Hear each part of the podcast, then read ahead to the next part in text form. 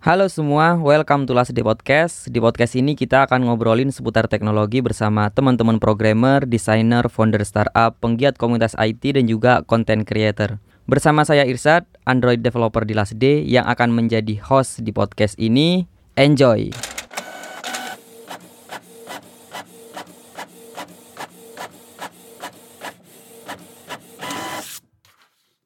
Tahun 2017 dulu saya pernah menjadi fasilitator untuk pemrograman Android dan di sana ada ada bapak-bapak yang sekitar umur mungkin bisa dibilang antara 35 sampai 40 ada sekitar uh, lima orang. Cuman karena pesertanya memang banyak sekitar 50 sampai 60 orang jadi tidak begitu fokus memperhatikan mereka jadi saya tidak tahu apa motivasi mereka latar belakang mereka dan uh, apa sebenarnya purpose yang diinginkan untuk masing-masing individu.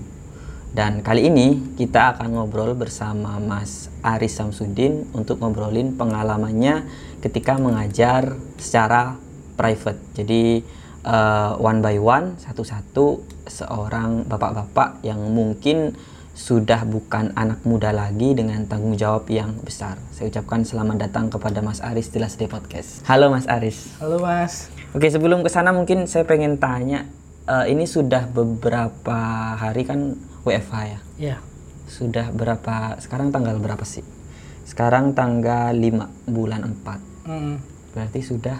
Kalau saya hampir tiga minggu. Oh tiga minggu. Tiga minggu ya, tiga minggu okay. work from home apa yang dirasakan apa? Serasa liburan atau?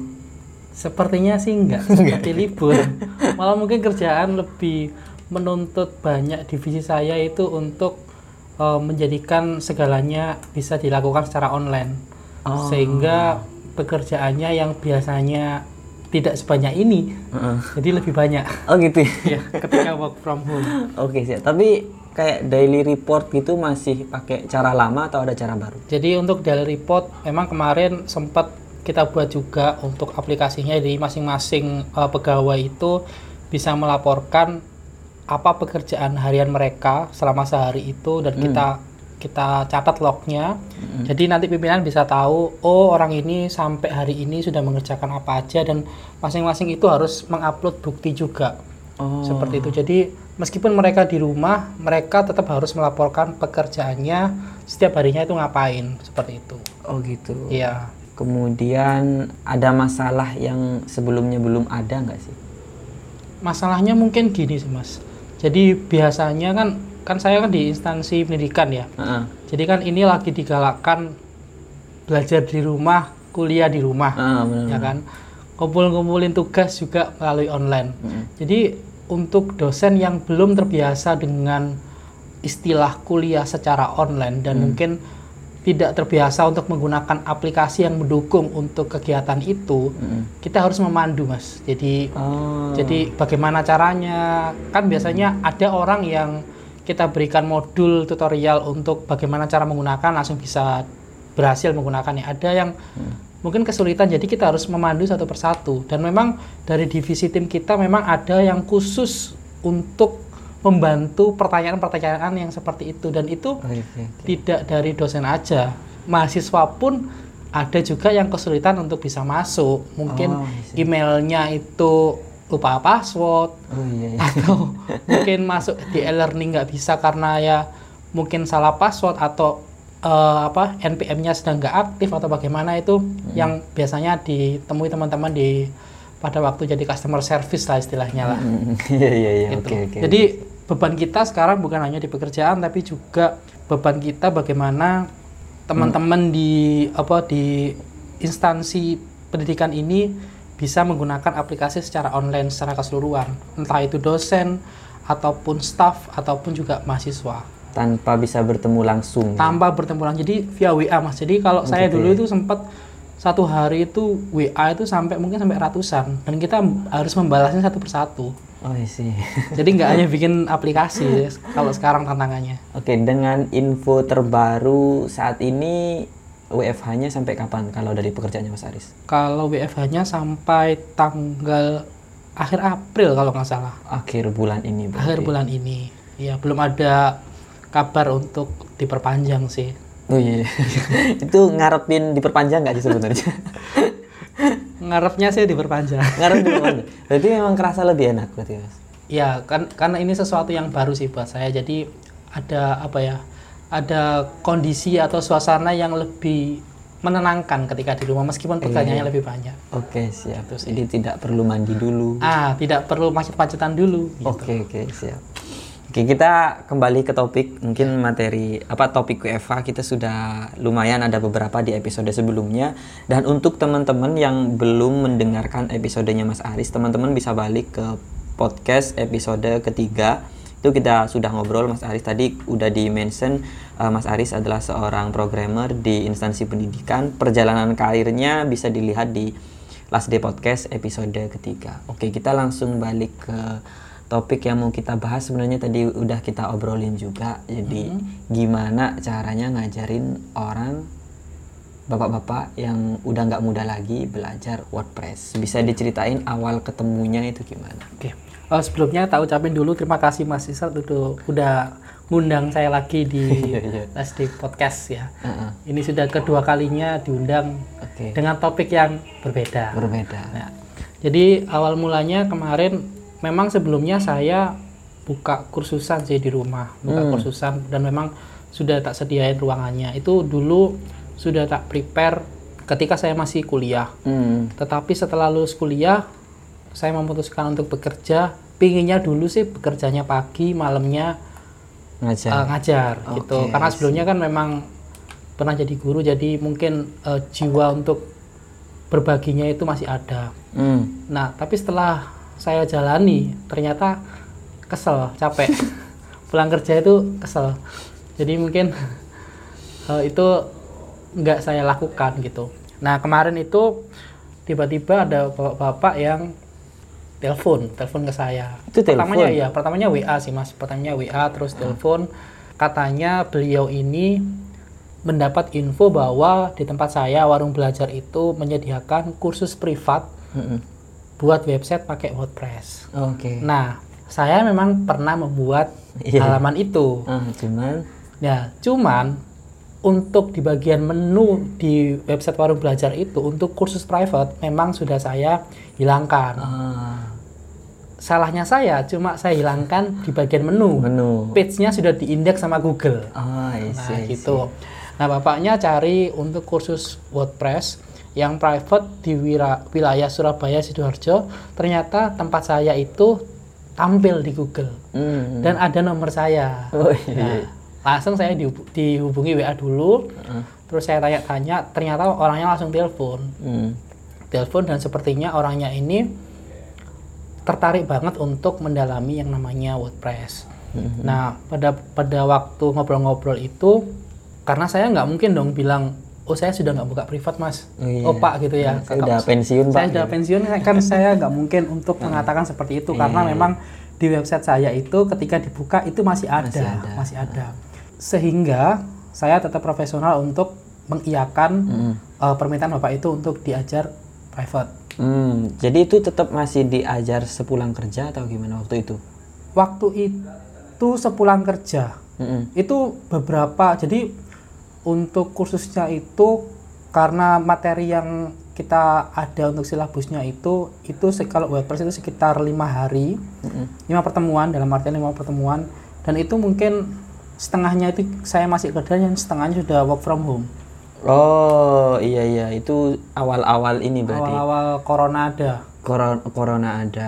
Oke okay, siap. Akhirnya ketika pertemuan pertama nah, apa yang dilakukan? Nah, ketika pertemuan pertama saya kan nggak langsung uh, kursus kan, jadi pertemuan pertama bapak nyampein ke rumah itu bapaknya uh, cerita banyak mengenai oh, iya, kenapa iya. beliau ini kok pingin belajar, belajar WordPress. Oke okay, siap. Saya tanya dulu, ternyata bapaknya ini langganan kursus online mm. belajar WordPress, bukan WordPress sih, lebih tepatnya digital marketing.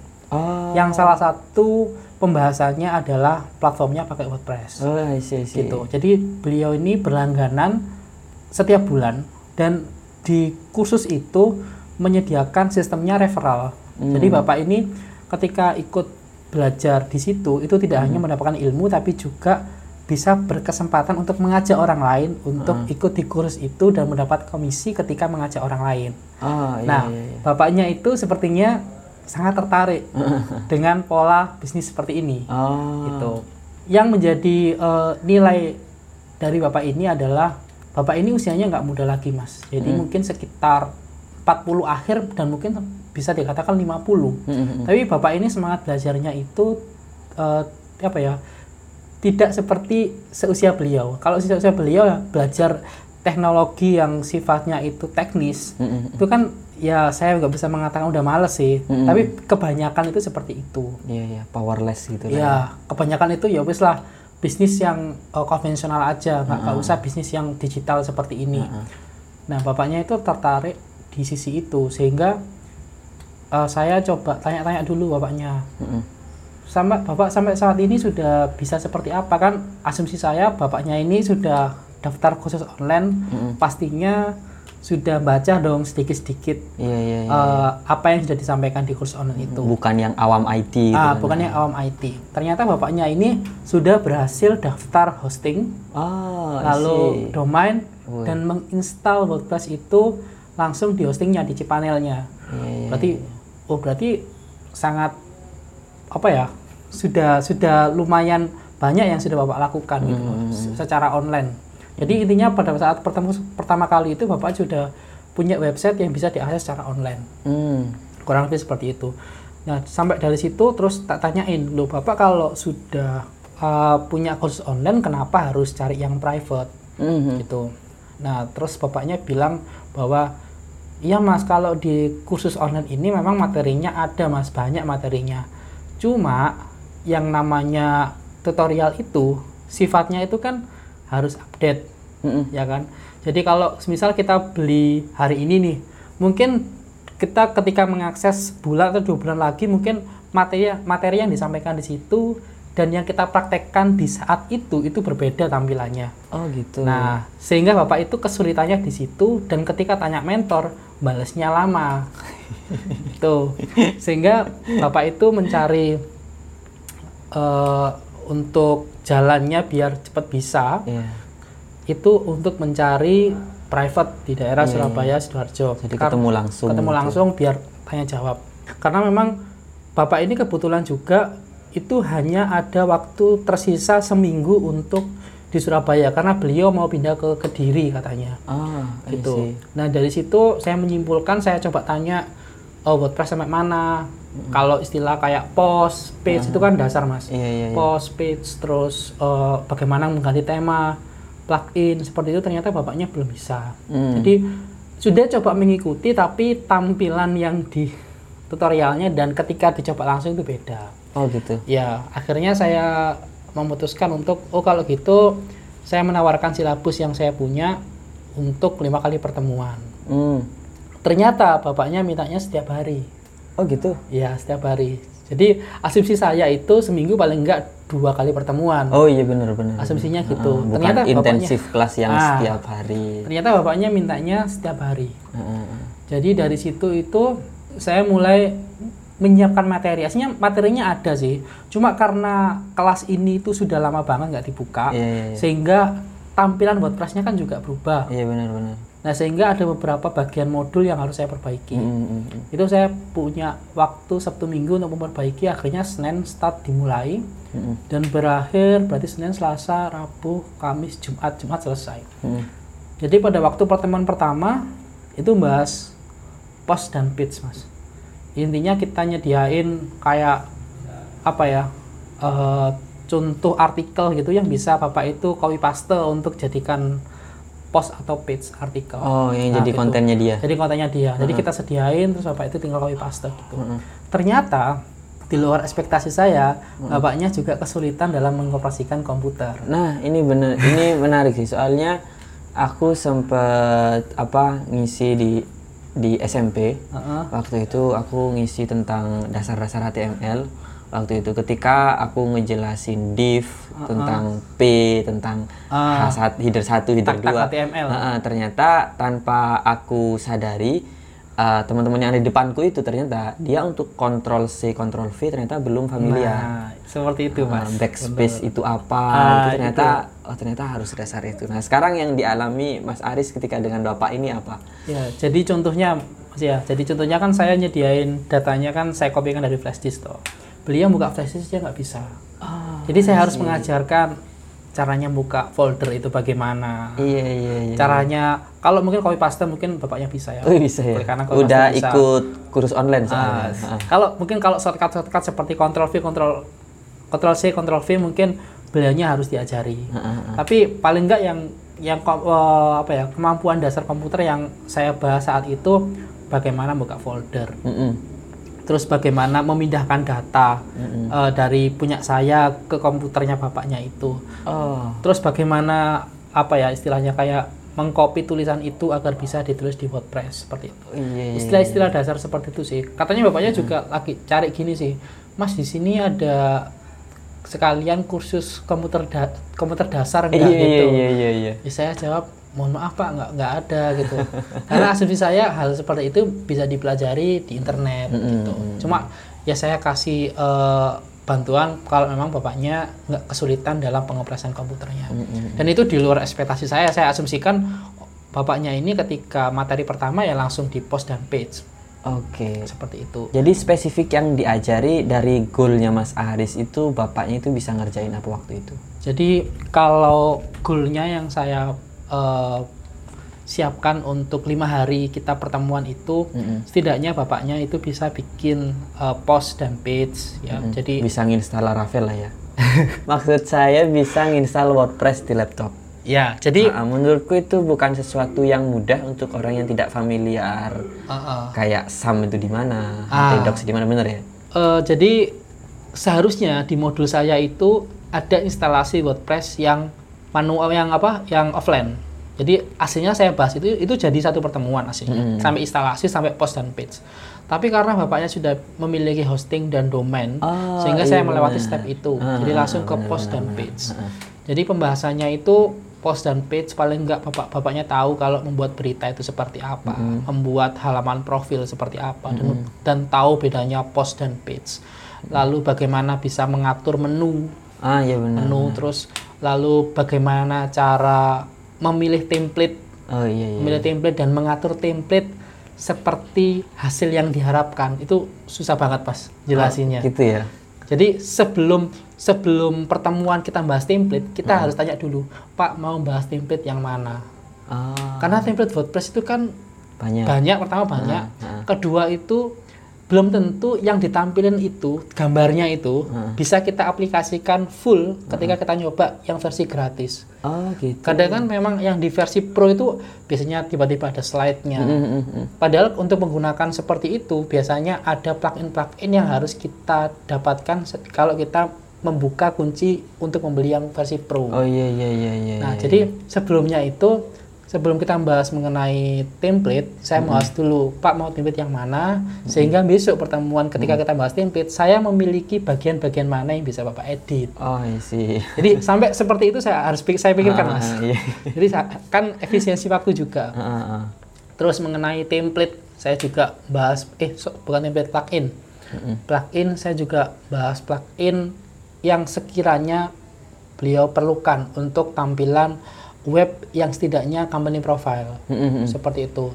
Jadi sampai yang terakhir itu bikin kontak form. Jadi yang susah itu bikin kontak form di mana kontak form itu ketika dia itu diisi maka dia itu akan mengirimkan pesan ke email mm-hmm. pakai kontak form 7 kalau nggak salah mm-hmm. dan itu minta dikonekkan ke HP beliau. Jadi ketika ada orang yang apa mem, uh, ngentri form hubungi kami itu langsung masuk ke HP beliau itu yang susah sih pertemuan terakhir sih. Wih. Jadi untuk menjelaskan seperti itu ke hmm. beliau itu gimana ya rasanya? Hmm. Akhirnya saya setkan sih.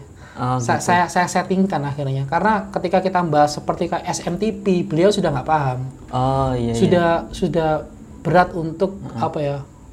Membuat beliau paham itu berat. Nah, cuman dulu uh, yang tadi aku cerita di awal bahwa dulu aku pernah menjadi fasilitator. Cuman orangnya banyak, jadi aku nggak bisa ngasih perhatian lebih kepada bapak-bapak. Cuman hmm. yang menarik adalah bapak-bapak ini selama proses latihan mereka selalu duduk duduk paling depan. Hmm. Dan ketika aku ngasih waktu di pertemuan terakhir untuk mereka pitching, untuk mereka presentasi hasil mereka, mereka semua maju.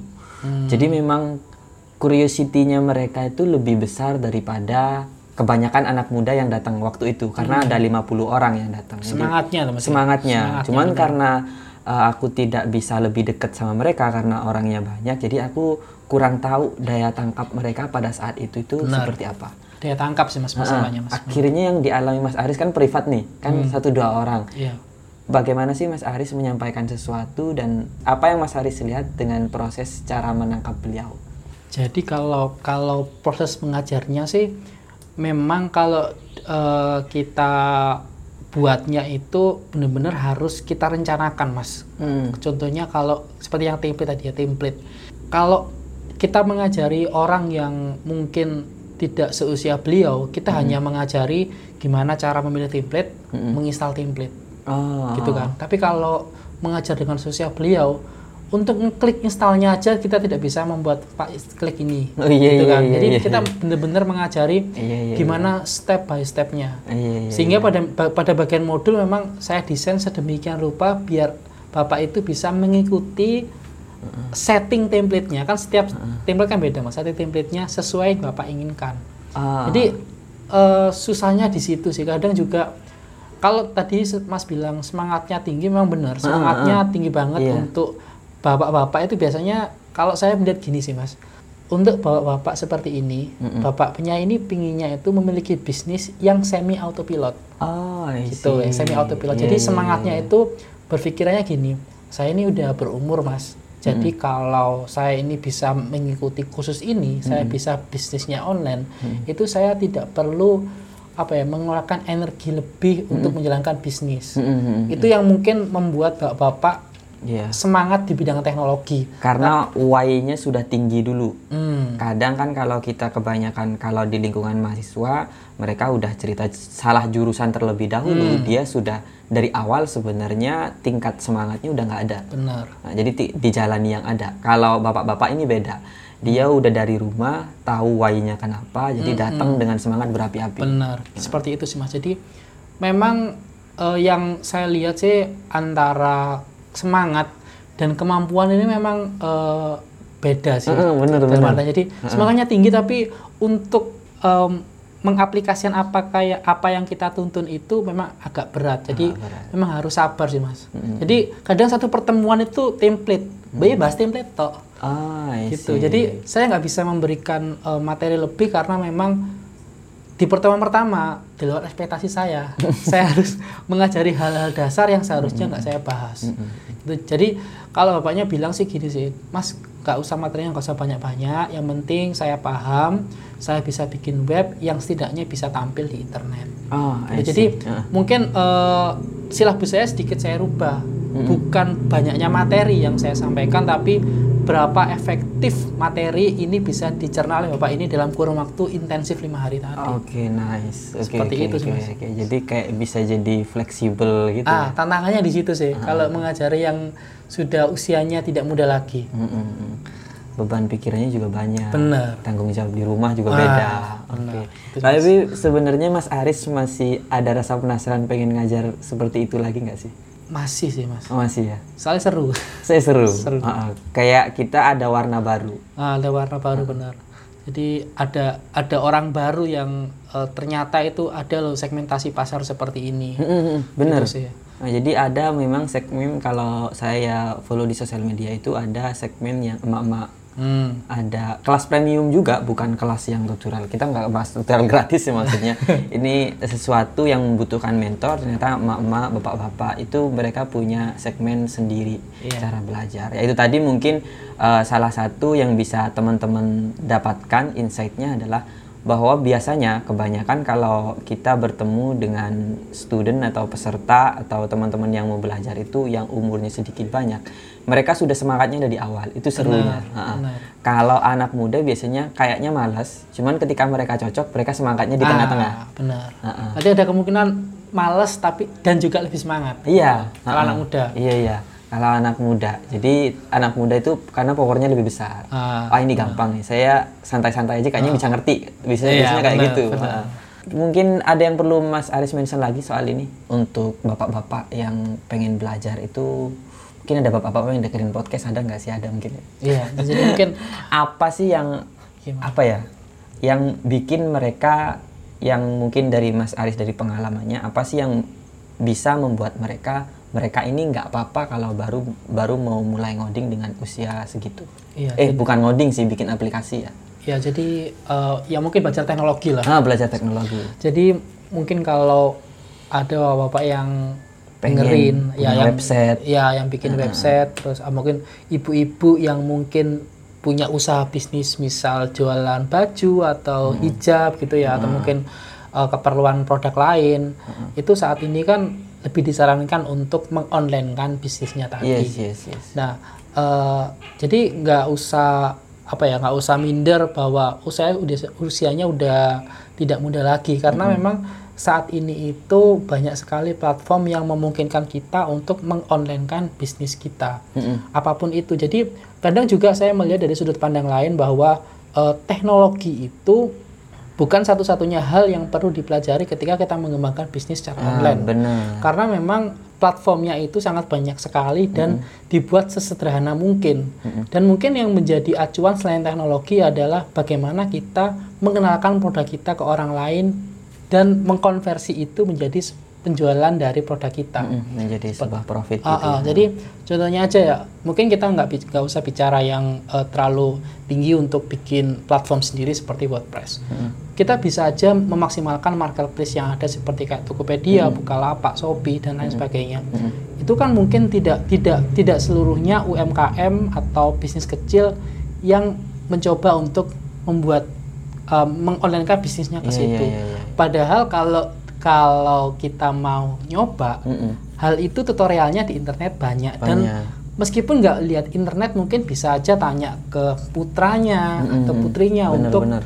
untuk nak gimana sih caranya bikin seperti mm -hmm. ini jadi kalau kita jualan di internet kan nggak tahu kan itu yang di belakang layar itu emak-emak atau iya, bapak-bapak iya, iya, kan nggak iya, nggak iya, tahu bener, sih bener. yang menjalankan bisnis aslinya iya, siapa nggak gitu tahu kan. jadi uh -huh. semua akan dianggap sama -mm. seperti itu sih dan memang akan menjadi lebih eksklusif kalau produk-produk ini memiliki official website sendiri nah iya itu uh -huh. itu menjadi platform tersendiri sih, yeah, yeah, yeah. okay, platform okay. tersendiri. Okay. Mungkin teman-teman yang mau mungkin kalau untuk tentang private dengan Mas Aris sebenarnya Mas Aris sudah nggak buka, yeah. tapi sebenarnya Mas Aris kan udah punya nih tutorial tentang WordPress kan? Iya yeah, ada. Kemarin aku lihat malah ada yang free di warung belajar benar Iya, yeah, jadi di warung belajar itu memang sebelumnya dulu untuk konten tutorial premium, uh -huh. pertama kali dulu mainnya saya di CMS WordPress ada uh -huh. dua. Tapi kalau teman-teman mau belajar yang versi free itu uh. ada juga di Bareng Belajar itu nggak nggak salah 10 10 part kalau nggak salah hmm. itu versi teks dan dilengkapi dengan video tutorial. Ada videonya Ada juga, videonya. Jadi okay. kalau teman-teman terbiasa pak uh, lihat video tutorial ada videonya, hmm. terbiasa pakai teks ada teksnya. Hmm. Kalau ingin download e-booknya juga ada. Juga free. ada. Oke, mungkin yang menarik ini sebenarnya gini sih. Ini kan mungkin yang dengerin bukan anak muda. -hmm. Jadi mungkin teman-teman bisa lihat dulu Ya, minimal dulu. apa sih prosesnya di sana? Hmm. Sesulit apa sih? Mungkin kalau kebutuhannya ke konten premium juga ada juga di warung ya, belajar. gitu. Oke, mungkin itu aja yang bisa kita sampaikan tentang WordPress dan mungkin kita akan spoiler sedikit. Ah, ini untuk teman-teman di Last Day yang tahun kemarin ikut uh, kursus online untuk membuat aplikasi toko online Laravel Web Framework Web PHP Framework uh, ah, PHP Framework Laravel oh iya Laravel dengan Java Android nah kali ini karena sesuatu dan lain hal kursus itu di off kan tapi sebenarnya masih lumayan banyak yang nanya sekarang kapan dihidupkan kembali dan uh, sebenarnya sekarang lagi dikerjain bersama Mas Aris. Nah, yeah. kalau dari saya uh, nanti mungkin ada di last day update kita akan uh, kalau sudah ready kita umumin. Tapi yang jelas yang sebelumnya menggunakan Java dari sisi Android itu sekarang di rewrite ulang menggunakan Kotlin. Jadi itu aja yang bisa sampaikan. Jadi akan buka semoga satu dua bulan ke depan bisa open lah. Ya, dan nanti amin. yang untuk websitenya dihandle oleh Mas Aris. kira Kira-kira seperti itu. Mungkin ini menjawab karena mungkin tidak semua chat saya jawab ya yang di WA karena sebenarnya pertanyaannya template uh, jawabannya template cuman kadang saya ngejawab satu-satu nggak bisa juga karena memang sudah off juga sih kalau dijawab udah off gitu kan gak enak. Yeah. Cuman update-nya kapan gitu kan? Ah, nah, update-nya kapan? Terus ini beneran beneran update nggak sih? Nah ini saya jelasin mumpung ketemu sama orangnya yang akan uh, menjadi mentor di sisi Laravel Web dan saya di Kotlin Android. Mungkin itu aja dari saya. Thank you sekali lagi untuk Mas Aris. Iya mas sama-sama terima kasih udah diajak ngomong di SD podcast. Oke, okay. thank you guys.